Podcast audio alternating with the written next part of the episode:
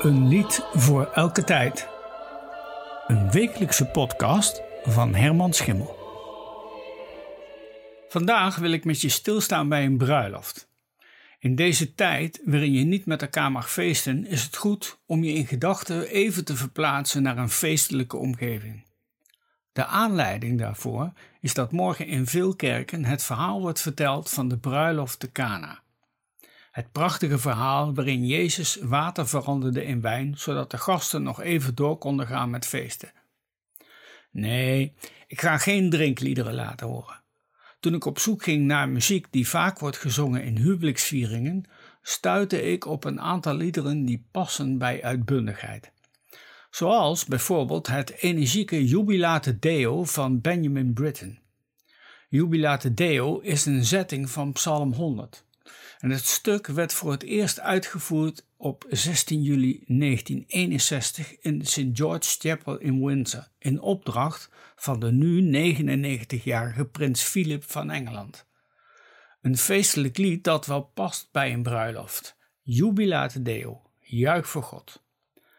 De orgelpartij rent door het stuk heen als een blij vogeltje en het stuk eindigt in een briljant amen.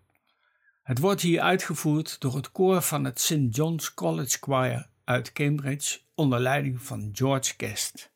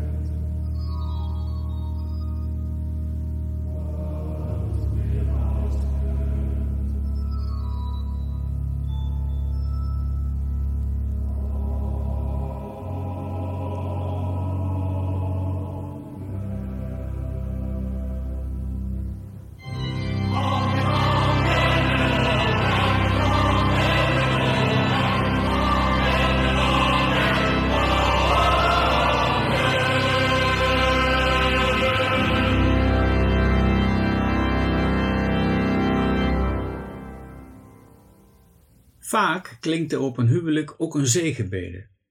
Dat wordt dan gedaan bij de inzegeling van het huwelijk. Maar het kan natuurlijk ook klinken aan het slot van zo'n viering als een bede voor alle aanwezigen.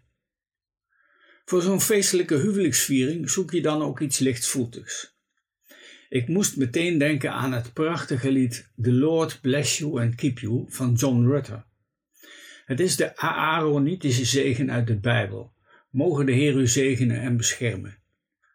De hedendaagse componist John Rutter schreef het. Rutter is gelukkig nog onder ons en componeert vrijwel uitsluitend koormuziek.